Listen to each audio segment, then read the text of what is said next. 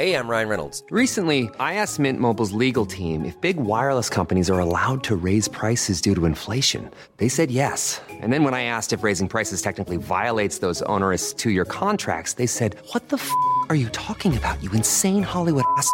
F- So to recap, we're cutting the price of Mint Unlimited from $30 a month to just $15 a month. Give it a try at mintmobile.com slash switch. $45 upfront for three months plus taxes and fees. Promo rate for new customers for limited time. Unlimited more than 40 gigabytes per month. Slows. Full terms at mintmobile.com.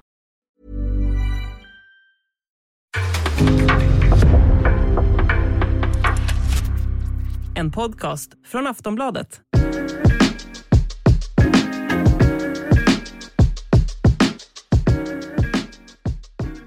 Allsvenska podden är tillbaka den här veckan. Som bekant så är allsvenskan slut. BK Häcken är svenska mästare, men Varberg stannar också kvar i allsvenskan efter kvalsegrarna mot Östers IF och det blev ju hyfsat spännande ändå.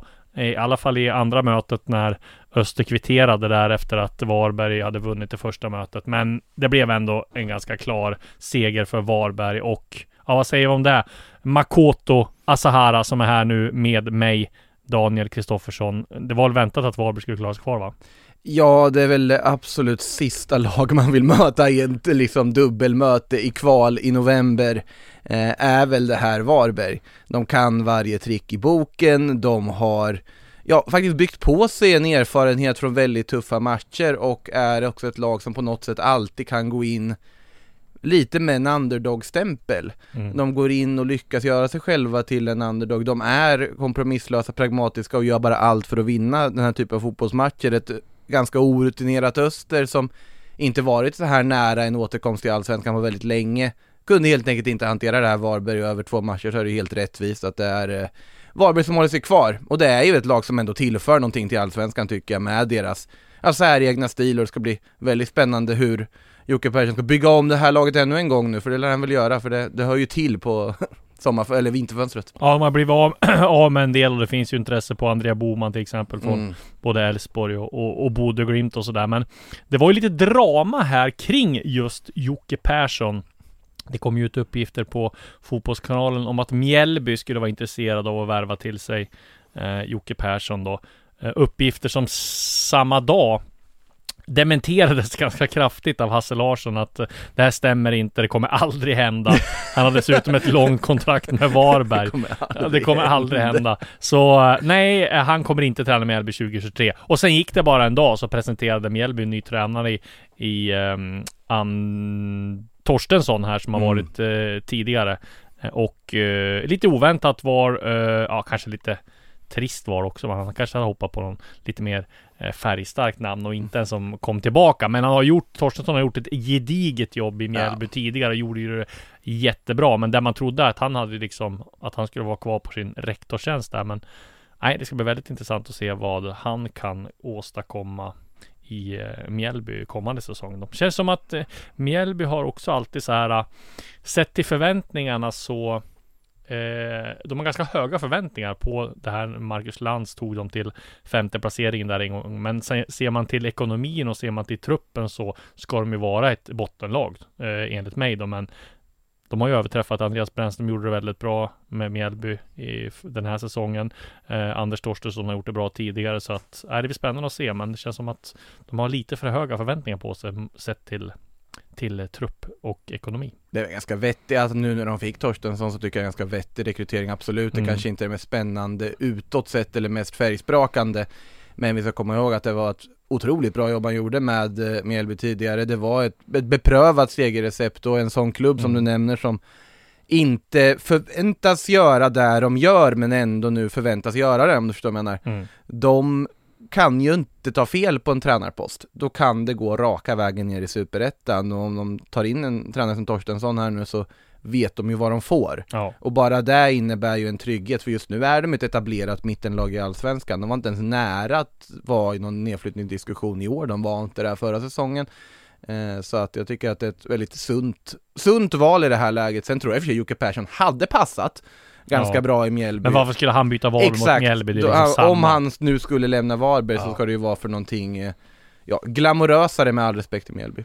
Om vi stannar kvar då på Mjällby så eh, avslöjade vi här på Sportbladet för, ja vad var det, två, tre veckor sedan i alla fall, att Carlos Moro Gracia eh, var på väg till Djurgården. De hade erbjudit honom ett kontraktförslag. De pratade. Då fanns det intresse från belgiska klubbar också. Djurgården kunde liksom inte komma undan de här eh, skatt eh, eh, reglerna eh, igen då. Men eh, nu har ju Torstensson bekräftat här att, eh, Mm. att det blir Djurgården för, för Carlos Moro Gracia. Och det känns ju som en riktigt bra värvning för Djurgården. En ledare eh, får de in och de får in en mittback som, är, som har rutin. Och sen ska vi komma ihåg att Djurgården har ju väldigt bra erfarenheter från före detta mittbackar från, eh, som har spelat i GIF Sundsvall. Jag tänker framförallt på Marcus Danielsson. Då.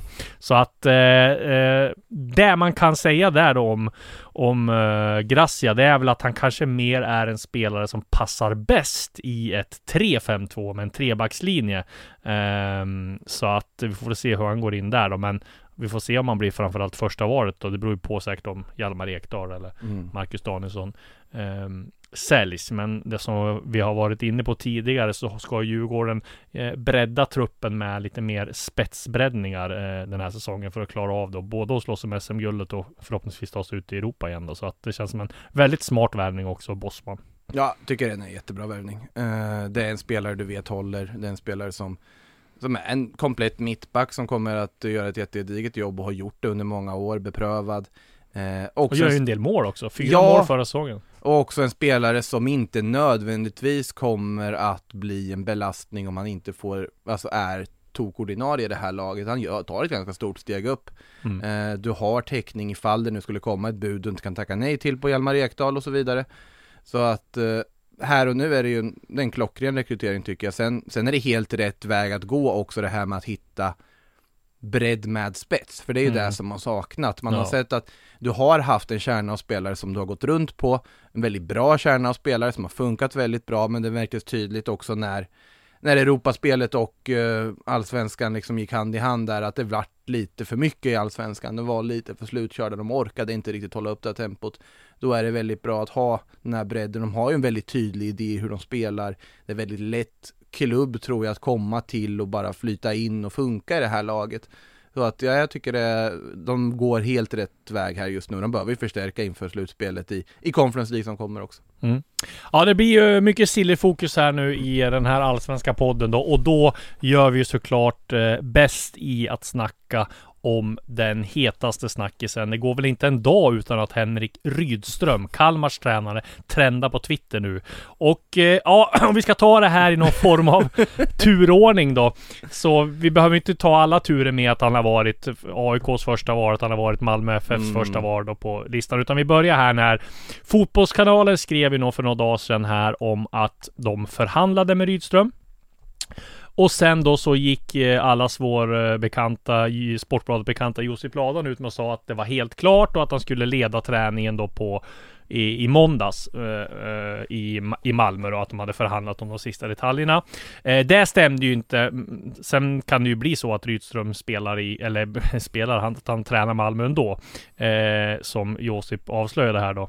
Men det har varit många turer och Rydström har dementerat och Jörgen eh, Pettersson, sportchef i Kalmar, har dementerat och eh, idag då eh, på onsdag ska, ska han vara med i en livepodd som Barometer och Mattias Lyr har så att det har varit väldigt mycket, mycket snack om det här då och ja men jag får börja. Jag har lite uppgifter på vad som det senaste, vad senaste Okej. nytt är. Men vi kan börja med att säga vad din eh, som har betraktat det här lite utifrån och berätta din känsla och din eh, reaktion på allt det här kring Rydström Gate, som vi får kalla det. Alltså han, han njuter ju av det här. Ja, det, ju det kan vi uppenbart att han konstatera. gör, det kan man det säga. kan vi konstatera. Jag vet, han dök ju upp där i Tutto Balutto Ja, också precis. live och där lät, alltså den dementin var ju väldigt intressant när det är mer, ja, jag dementerar utifrån sitsen jag sitter i nu, lite Ja. så man ska sammanfatta det kort, att Han just har ju- nu kan jag inte säga Exakt, något och han har ju, om man eh, eh, vad heter, dissekerar de här citaten han har, Ja. har sagt till alla, så lämnar han ju alltid en öppning. Han säger ju inte så här, jag kommer vara kvar i Kalmar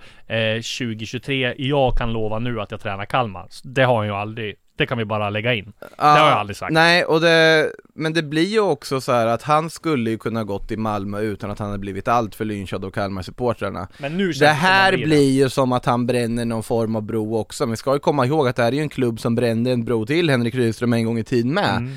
Eh, nu tror inte jag att han gör det här av spite mot det, absolut inte.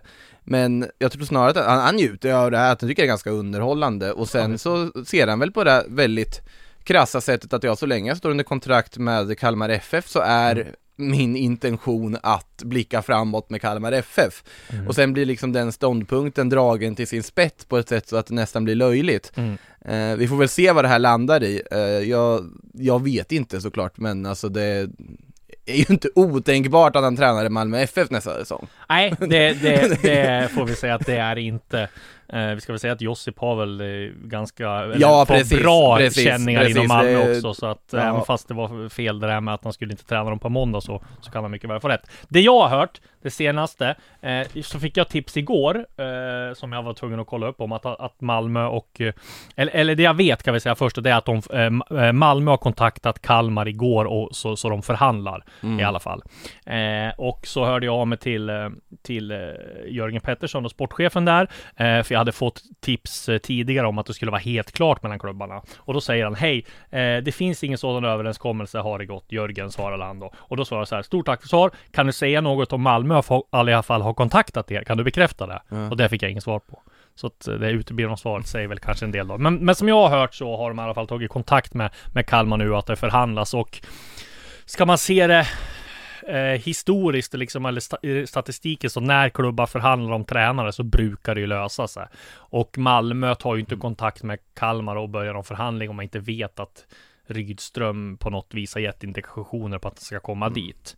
Så utan, nu, vet jag inte, allt kan ju hända, det kan ju spricka och Rydström kanske kan, kan eh, liksom tänka att all, den här turbulensen har gjort så att han liksom stannar i Kalmar och så där, att det kan påverka, men eh, alltså magkänslan nu när man har hört allt så är ju att han tränar Malmö att han blir klar för Malmö någon gång nästa vecka eller sådär. För att Kalmar tränar ju också fram till De har sista träningen idag, onsdag och sen på Ja. torsdag har de Har de avslutningsträning men då har de ingen fotbollsträning då. Så att Det, det, det, är- nog ingen eh, vågad gissning att, att eh, Rydström eh, Kan nog presenteras i nästa vecka Som Ja, alltså, det är också så här. Om det är uppenbart att Henrik Rydström verkar vilja gå till Malmö FF, det är Mm. uppenbart att Malmö FF vill ha Henrik Rydström, ja. då löser sig ofta Ja. sådana saker när det handlar om en klubb som Ja. MFF och i det här fallet de måste pricka rätt på nästa Ja, tränare, tränarnamn. De måste få det val de vill ha, de måste Mm. få en långsiktig lösning och inte någon som bara går på tills vidare basis och eh, möjligtvis kan försvinna av olika skäl nästa säsong. Nej. De måste ha en tydlig långsiktig idé, de måste börja satsa på ett helt annat sätt och bygga en ny generation. Den här generationen som har burit dem till Champions League-gruppspel och som har gjort det det har gjort har varit helt otrolig, en av de alltså, finaste generationer vi har sett i svensk fotboll. Men de har passerat, så är det och det har varit smärtsamt tydligt den här säsongen att Mm. de har gjort det. De måste bygga någonting nytt och Henrik Rydström är ett jättespännande val för det, för ja, se vad han har gjort med Sirius, se vad han gjorde och gjort med Kalmar FF. Ja. Han tar Kalmar FF till, ja, gränsen till Europaspel. Det, det är ju helt sanslöst bra. Eh, så att, nej jag tycker det ska bli jättespännande att se honom i MFF. Dit jag förmodar att den ändå kommer att hamna förr eller senare. Ja, vi ska väl säga att ingenting är klart än. Nej, men, det är men, absolut men, inte, men- Men vi får återkomma här när, när allt, eh, om det blir klart eller när vi har ett eh, besked. Mm. Jag ska försöka jobba fram vad det är som gäller och eh, vad som kommer att hända. Lite mer detaljer om det. Får vi se om det kommer idag eller imorgon eller när det kommer. Men klart är också att, eh, ja det är klart att Rydström eh, skulle passa som handen i handsken i, i Malmö. Dels tror jag han har eh, spelarnas respekt. Eh, han har eh, liksom det här taktiska, moderna eh, possession-fotbollen som de vill spela. Jag tror spelartyperna passar bra. Och sen förstår inte jag heller när man har sett på sociala medier nu att Malmö-supportrarna är lite missnöjda över att Ja, men varför händer ingenting? Det måste bli klart med någon tränare snart. Alltså det behöver inte vara klart med någon tränare förrän i dec- december. Jag menar, rent krasst så ska man ju säga så här att ja, men Rydström, han kan ju vara på plats i Malmö första januari. Det spelar ingen roll. Försäsongen är ju nästan tre månader. Så jag menar, eh, och, och Malmö är ju en sån klubb också där tränaren aldrig kommer att ha liksom eh, all makt när det gäller kommer till spelarvärvningar och så. Det har ju Daniel Andersson och Georgsson och, och dem och där finns det ju liksom en strategi strategi satt länge och det är ju precis så en klubb ska jobba. Mer att det ska inte vara tränarstyrt utan mer klubbstyrt. Sen är det klart att Rydström kommer ha eh, liksom eh, ett ord med i laget Ja, det också. måste vilka. han ju ha. Så är det ju såklart. ja, ja. Men det är inte så här att det, det, det är helt avgörande för en klubb som Malmö. De är ju redan utifrån då, kan man tänka sig i alla fall, om de förutsätter att de kommer Henrik Rydström som tränare, även om inte det presenteras för allmänheten förrän nästa år, så har ju de fortfarande då planer på vilken typ av spelare behöver vi, de vet Mm. vilka spelare de tappar, det är ju helt uppenbart. Så att ur det här perspektivet så nej, det är väl ingen brådska på något sätt överhuvudtaget.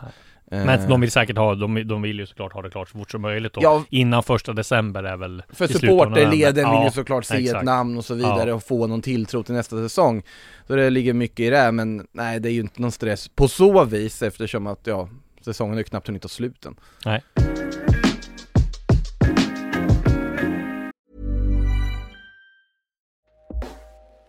Hey everyone, I've been on the go recently Phoenix, Kansas City, Chicago. If you're like me and have a home but aren't always at home, you have an Airbnb. Hosting your home or a spare room is a very practical side hustle. If you live in a big game town, you can Airbnb your place for fans to stay in. Your home might be worth more than you think. Find out how much at airbnb.com/slash host.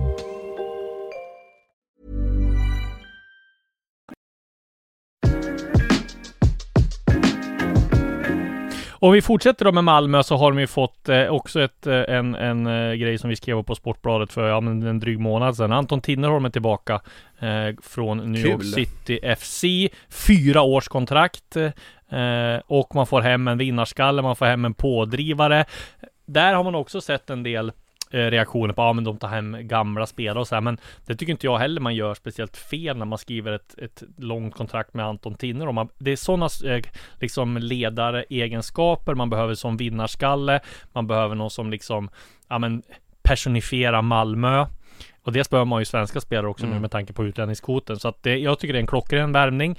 Eh, och eh, han har ju varit väldigt bra, ska man säga. Han hade en, en men han var ju väldigt bra i New York City FCs slutspel här. Och om man tittar på reaktionerna när han slutade i New, eller när han skulle lämna New York City så var ju de så här att de var ju ganska knäckta fansen för han har ju växt ut till en ledargestalt där också så att det känns som en väldigt bra värvning. Och det man ska säga också, det är ju att Eh, många vill ju att liksom ska, man ska föryngra i Malmö och det kommer de ju såklart göra. Men det vore ju idiotiskt att gå ifrån den här strategin med att värva eh, riktigt bra hemvändare som ju har varit framgångsrik över så många år i Malmö. Och där tycker jag man är helt rätt att man fortsätter på den. Man, klart man ska ha, mm, vad heter det, unga spelare, man ska föryngra, man måste genomgå någon form av generationsskifte. Men det går liksom inte att vända upp och ner på alltihopa. Så jag tror att en, en bra värvning.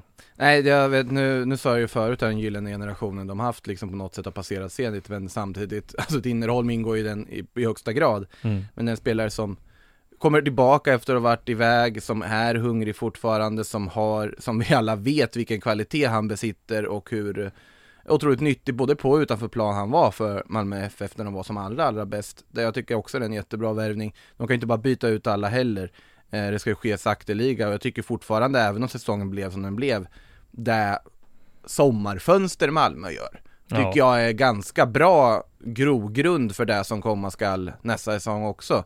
För nu har de Mustafa Zeidan där som kommer att få Ja, kanske, möjligtvis, sannolikt få Henrik Rydström som tränare, vilket blir jättespännande att se den, den kombinationen. De har värvat mycket bra spelare överlag också, så att jag tycker det ser eh, Jag räknar, jag kommer nog ha Malmö som eh, guldfavorit i mitt tips till nästa säsong i alla fall. Mm. Det tror jag, även om de har haft den säsongen de har haft. Ytterligare Malmö eh, relaterat då så är det att eh, de tittar ju på att värva Jonathan Levi där ingen kontakt eh, tagen med IFK Norrköping igen. Man överväger om man ska gå för honom. Men det som är lite intressant här är att eh, jag drog ju fram de här liksom mallarna som de har ju tre prioriterade värvningar. En yttermittfältare, en mittback och en vänsterback. Eh, är liksom det som är prioriterat. Sen kan de ju säkert komma och värva andra spelartyper Mm. också, men det är just de här de vill ha. Och då är liksom vad heter det, beskrivningen då på, på yttermittfältaren är att han ska vara mellan 21 och 25 år. Han ska ha erfarenhet från slag som titlar i det liga och land som han värvats från. Eller i alla fall vara redo att göra det direkt när han kommer till Malmö. Han ska vara bra en mot en. En så kallad dribbler, bra på att avsluta med både fötter och huvud. Samtidigt så vill Malmö också ha spelaren ska vara bra i duellspelet och beredd att ta stort defensivt ansvar när det behövs. Så det stämde ju ganska bra in på, på Jonathan Levi. Han har varit i Rosenborg, han har varit Mm. i Norrköping. När de har varit liksom ett topplag sådär. Och jag tror, ja, det som inte stämmer är väl mellan 21 och 25 år. Han är 26. Men jag tror att de, är väl inte så här liksom nitiska på just Det är, den det är inte åldern. att de har gått in på liksom FM-önskelistan och satt, uh, Nej, satt precis. filter exakt, Precis. bara dribbling minst 15. Nej, precis, den bara, han tar vi, han såg bra ut i. Nej, precis. Ja. Nej men och där är det ju också lite grann, de har ju inte som sagt kontaktat Norrköping än och jag tror Norrköping vill ju helst sälja utomlands Mm. eh, och Levi vill ju helst utomlands. Men jag menar han har tackat nej till en del Israel i, i klubbar från Israel och han är väl kanske inte så här, han är 26 år, han är väl inte stekhet bland de utländska klubbarna, även fast han säkert kan få. Och där beror ju, han får ju liksom, han avväger, okej, om jag går till en utländsk klubb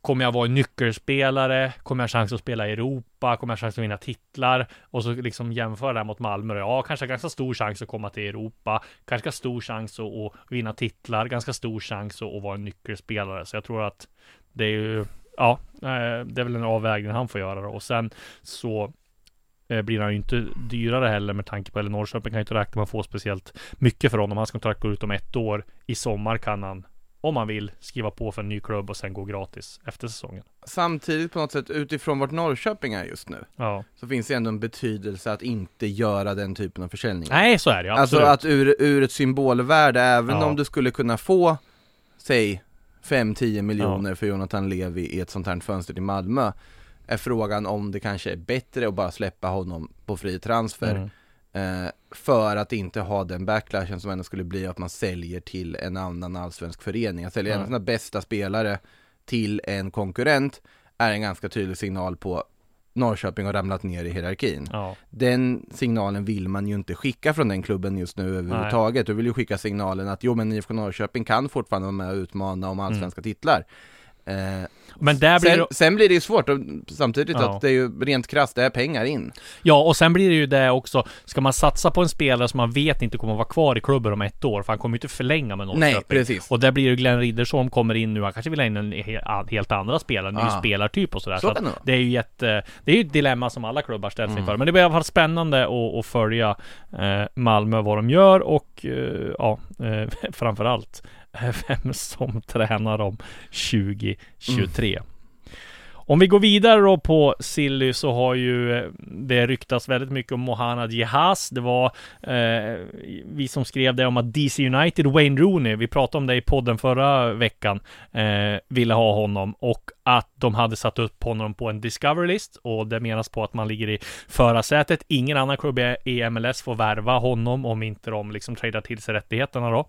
Eh, och sen kom eh, Expressen var det med uppgifter här bara för någon dag sedan om att de skulle, Hammarby skulle acceptera ett bud och att det var upp till Mohanad Jehaz och, och bestämma sig. Som jag fattade så är det inte så jättenära med DC United. Det var i alla fall inte det igår. Eh, budet är ganska lågt, inte alls på den nivån i 7,5 miljoner till 10 miljoner som, som Hammarby vill ha. Det finns flera andra utländska klubbar som är intresserade. Så är frågan om vi får se Jehaz Få Wayne Rooney som tränare, få Christian Benteke som lagkamrat och få Ravel Morrison som lagkamrat. Eh, Vilken duo, Benteke och Ravel Benteke var han, ja precis. Ja. Nej men så att det är ingenting som är nära att komma överens, eller det, vet, om det inte har hänt någonting idag då, men som jag fattade igår så var det inte nära med, med DC United. Vi får se om det blir så. Man ska ju säga det också att MLS-klubbar, där är det ju så att där har ju, det, han, han blir ju inte DP tror jag, Jahas, utan det blir att de får använda eh, TAM, så kallade TAM money då, som också ligger utanför, utanför budget. Så där är det ju så att klubbarna får ju en övergångssumma här, eller får liksom en budget. Ja men här har du 20 miljoner. Den ska du värva eh, Jahas för och då ska det vara övergångssumma, eh, lön, sign-on bonus och agentarvode. Så att liksom allt ligger där och då blir det ju såklart om de får betala en högre övergångssumma, ja då får spelarna lägre lön och allt det där. Så att det, blir, det är ju ett spel där som ska passa in och så är det ju i, Ja, det, i MLS. Det är ju reglerat det där just det är ju med- inte bra för svenska klubbar att sälja till MLS. Det Nej, det- konstatera. alltså- det, är ju inte, det är ju inte en liksom ekonomisk vinst på så vis att göra det. Nej, Eh, I alla fall inte med en sån spelare som ändå kan generera Nej. en ganska stor intäkt. Jag tycker det är värd väldigt mycket sett i vilka spetsegenskaper han har. För det här är ju en typ av spelare som skulle kunna gå in och göra det väldigt bra Ja. i väldigt många klubbar och som många klubbar är ute efter just den här typen av offensiva, frejdiga vänsterback, Exakt. wingback som han är. Mm. Eh, ja, Malmö FF behöver ju en vänsterback. ja precis. Det är nog helt uteslutet. Ja, där, Jesper där hade Jansson säljer. varit, ja, Där. om man, om man vill bränna ännu mer supporterbroar. Ja. Ja. Men, eh, nej men eh, en av Skandinaviens bästa vänsterbackar lär ju säljas. Frågan är väl bara vart och vi får återkomma till det. Mm. Eh, men eh, klart är att Hammarby redan har börjat kolla på flera ersättare. Så att eh, de räknar med att han säljs. Frågan är bara vart.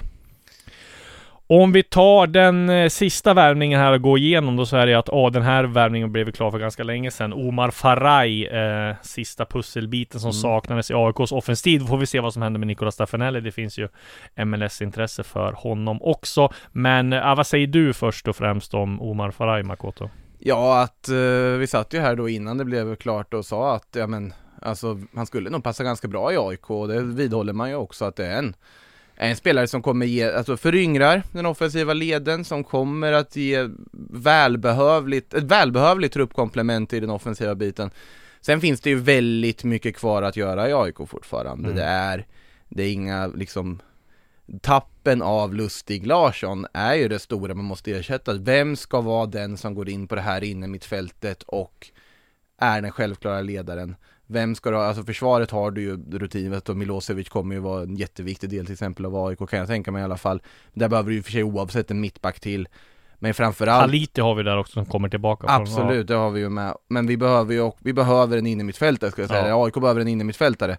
Eh, på det här positionen. Ja, Bilal Hussein är ju strålande tycker jag. Jari har absolut kvaliteterna men jag tycker det behövs någon Men form. båda de kan ju säljas. Ajari Ja, lär väl säljas exakt, i vinter. exakt. Bilal Hussein kanske också kan säljas men ja, har väl inte varit sådär superbra sista och sista. Ja. Men är ju ändå en grym spelare. Nej men det skulle behövas en eh, någon form av defensiv speluppläggare och en trygghet på det mittfältet som Sebastian Larsson har varit.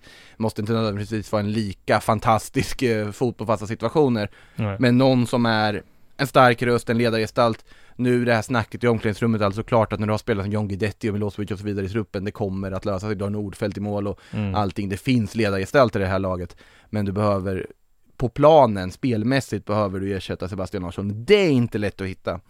Nej, verkligen inte. Och det finns ju en del centrala mittfältare, bland annat Magashi då, men det är ju, han är ju mer offensiv som är utan som Bosman och... Det är synd att Celso Borges inte är några år yngre. Nej, precis. Det hade ju varit... Ja, men det hade ju ja. varit perfekt nu när han hänger i Costa Rica där, att ta en vända till. Han ska ju ändå till VM här nu också. Ja, exakt. Nej, han blir då kanske lite för dyr och lite för, eh, för, för AIK. Annars hade en drömvärvning, där var det Robin Quaison, men där eh, är det ju, de har ju en del offensiva spelare. Ja, där, att det, då han måste ju bryta i...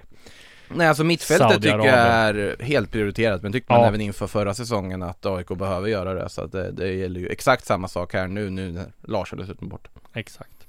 Om vi spekulerar lite grann och vi tittar lite, zoomar ut här så är det ju en del klubbar. Nu har ju Mjällby gjort klart med Anders Torstensson här. Men eh, Malmö ska ju, vi förmodar då att Malmö får in Rysum. Då ska Kalmar ha ny tränare. Eh, och där, och Sirius ska också ha ny tränare och vad jag hörde det senaste med Sirius det är att de väljer mellan Kleber Sarenpää och Christer Mattiasson. Eh, Sarenpää är Brage då. De har gjort det ganska bra där och Christer Mattiasson är BP. Där är det inte heller helt klart. Utan ja, vad jag hör där ska de ta liksom en vända till med alla kandidater och, och gå igenom dem. Men det är de två som är hetast då. Och det, ja, men det känns ju logiskt. Ola Andersson, sportchefen där, har väl spelat med Christer Mattiasson i AIK en gång i tiden. 99 tror jag det var. Eh, Och Kleber Sarenpää känner man väldigt väl också. Så att, eh, nej, det blir spännande att se vad Sirius väljer. Men apropå Kalmar då, där finns det ju en tränare som jag tror hade passat väldigt bra där och det är ju Bartos Jelak. Eh, han hade nog eh, fungerat bra där tror jag. Även fast han kanske spelar mer 4-4-2 så tror jag ändå att eh, men en del, jobba med en del ja, unga Mm. talanger och sådär. Ja, mm, känns som han borde i alla fall vara ett namn. Ett första jag tänker är ju Kim Hellberg. Men Jo, jo, precis. Att, alltså det, det tror jag inte jag kanske är Värnam- aktuellt för nej. att han sitter ju där i Värnamo och har det ganska Men samtidigt då, om Värnamo, man har gjort det så bra eh, som man har gjort. De kommer ta, Mm. förlora Antonsson nu. kanske inte är så dumt ändå. Där, har- där sa du något. Eh, Kim Hellberg är nog ännu eh, Ja, alltså just- vassare där än Bartos. Just att förädla och bygga vidare Ja. på den här offensiva, frejdiga fotbollen som spelas på Guldfågeln Arena just nu. Vi ska komma ihåg att det här, det är inte jättelänge sedan som att det var nästan begravningsstämning att titta på Kalmar FF spela Nej. fotboll. Det hände ingenting av konstruktivt och det var krampaktigt och det var allt vad det var. Nu är det ju faktiskt väldigt underhållande att se Kalmar FF igen. Ja. Och det, det betyder väldigt mycket. Jag hoppas verkligen att de håller sig kvar på det spåret. Eh, och då hade ju Kim Hellberg varit en väldigt bra kandidat kan jag tycka i, i den rollen. Jag tänkte på den också. Tänk vilken legendstatus Henrik Rydström hade fått om han bara nu säger att, nej men jag stannar i Kalmar. Då hade ju supportrarna gått Vad gör. Malmö då? Ja, exakt. Det var jag Nej men alltså vilken status han hade fått. Han har kört det här katt och råtta-leken. Å andra sidan kan man få kanske högre status i Kalmar än Henrik Rydström. Jo, det kan man nog få. Om man heter Elm och har Ja, precis. bröder. Nanne kanske också. Nanne har vi ju dessutom. Eh, Ja. Nej, men eh, det hade varit, det hade varit ganska coolt ändå. ja, det hade ju såklart varit. Det är spännande att se vad han, vad Å, det å andra sidan, tänk vilket förhandlingsläge han har suttit i med Malmö. Eller sitter i med Malmö. AIK hade han först på ville ha honom. Eh, han har det hur bra som helst i Kalmar. Kalmar vill ju förlänga och ge honom ännu mer i lön säkert. Alltså det tar jag för givet. Och Malmö, halvt desperata Malmö med 700 miljoner på, på eh, banken. Eh, alltså om, om det här blir klart nu då, vilket vi tror att det kommer bli, eh, så blir nog Rydström han kan nog bli den bäst, bä, bäst betalda tränaren i Allsvenskan, i alla fall topp fem. Någonsin. Och, och det, det är rätt av Malmö. Ja, det- ja. De, de behöver bara pricka rätt, kosta Ja. vad det kostar vill lite. Så att på ett sätt så kan jag tycka att det är rätt av dem att göra en långsiktig lösning som de verkligen tror på. Och sen ge det tid, även om det skulle inledas med tre raka förluster. Ja. Fortsätt, ha tro, Ja, men det måste man göra nu. Ja, Du du, kan- du kan inte- inte, börja, börja göra kaos av alltihopa Nej. ännu en gång. Eh, Och då lär det vara någon som ryker i, alltså om de skulle börja med fyra, fem raka förluster, då är väl nog kanske, ja, jag gissar att Georgsson eller sådär ligger sämre till då. Sen, hur mycket ger vi Bröndby då i det här som bara dök upp från ingenstans också? Ja, alltså de har ju också groteskt mycket pengar, men där var det väl mer att det var någon, Ja, eh, någon journalist lista, som hade ja. gjort någon lista, typ som, eh, men jag såg Jo, jo, precis. Sundsvalls tidning gjorde åtta kandidater, och det är inget fel att göra sådana listor. Nej, absolut inte. Men alltså det, det, ju- det ligger liksom inte oftast ligger det liksom ingen liksom, källor eller någonting bakom, utan man bara listar åtta namn. Ja, det var som jag såg eh, i samband med, vad heter Cristiano Ronaldos, eh, ja, intervju han Ja. nyligen gjort. Har han gjort, Eh. vad, vad, vad var det för? Ja men den, ja men man vet inte, man vet ju inte. Nej. Har det stått någonting om den Har det intervjun? stått något? Vilken pratar du om? Ja. Nej men så var det ju, tror Evening Standard som hade en artikel som många har rewritat där det står liksom att Ja. Chelsea är favoriter enligt Evening Standard, så läser man den artikeln. Ja, Chelsea har bäst odds hos det här spelbolaget för att, alltså det var, så här, men varför, ja Lite så med Bröndby är det väl lite att, ja, någon, någon, någon person där i Danmark tyckte men det hade varit kul att se, men det är nog Ja. osannolikt, men det hade varit häftigt. Sista då, eh, Lukas Bergvall sk- skrev jag om idag. Eh, Sveriges mest jagade talang, 16-åring, har Mm. haft möte med Djurgården. Där tror jag var inne på det om jag var i podden förra veckan om det var hos Discovery att Lukas Bergvall känns som en klockren Djurgårdsvärvning. Han kommer från BP och jag var bara räkna upp vilken, eh, hur Mm. många spelare Djurgården har tagit från BP. Wallenborg, Augustinsson, ja det finns hur många som helst. Ja. Eh, så att eh, Beijmo, eh, så att eh, de har haft ett möte i alla fall. Han skulle väga och träffa någon europeisk klubb också. Men han har gjort 11, han gjorde 11 matcher i Superettan som 16-åring i den här säsongen. Han gjorde ett mål, en framspelning. Alltså att gå utomlands nu tror jag hade varit alldeles för stort steg. Utan tänk att komma till Djurgården, slussas in där, spela lite då och då under Kim och Tolle, få vara med på de här eh, stora matcherna, derbyna, eh, kanske inte liksom, eh, kan ju aldrig vara given från start liksom, men ändå få vara med och, och, och, och, ett år, eller om man kanske till och med lånas ut i BP första året, det kan man ju också göra en sån lösning, så jag tror att, nej, det hade varit en klockren värvning. Sen tror jag ju att eh, de här andra Stockholmsklubbarna, eh, Hammarby och AIK ligger ju säkert inte på latsidan där heller, utan det vore konstigt om inte de var med och, och i alla fall Ja, det är väl konstigt om inte alla etablerade klubbar Nej, är är med på en 16-åring Exakt. som har gjort Nej. det här intrycket till BP Nej. och BP har ju ändå en ganska ansedd ungdomsverksamhet. Det får man det får man ändå säga Ja. genom åren. Så att det, det är ju inte konstigt och oavsett vilken klubb som vinner den dragkampen så är det ju en vettig rekrytering att göra. Sen så är det ju en framtidsvärvning där de ska slussas in i lugn och ro. Eh, Och det gäller att han kommer till en miljö där han får speltid, förtroende, Mm. slussas in långsamt. Alltså spontant känner jag så här, en miljö som Elfsborg hade ju varit en perfekt egentligen Mm. eh, för att gå vidare och sånt. Det har man ju sett många spelare som kommer, unga supertalanger som går till Elfsborg just på att förtroendet de får, eh, hur, hur de kommer in. Alltså Jesper Karlsson är ju det bästa exemplet Ja. egentligen som man kände i början, men vad lite han får spela och inte kommer in. Ja, titta nu. Men- Samtidigt hade det varit en ruggig, ruggig eh, misslyckande för klubbarna i Stockholm här om Jo, jo, absolut, absolut. Men det är också, det är också så här, han ska ju inte gå någonstans där han är helt, helt isolerad från en startelva. Jag vet inte om man skulle gå in och konkurrera idag med i klubbar som Djurgården, Hammarby, AIK. Så var det med det. 30, över 30 minuter stillysnack här. Eh, Makoto Asara och jag, Daniel Kristoffersson, tackar för oss. Vi är tillbaka nästa vecka och då blir det mycket mer chili. Det är mycket mer allsvenskan. Eh, till dess så säger vi på återseende.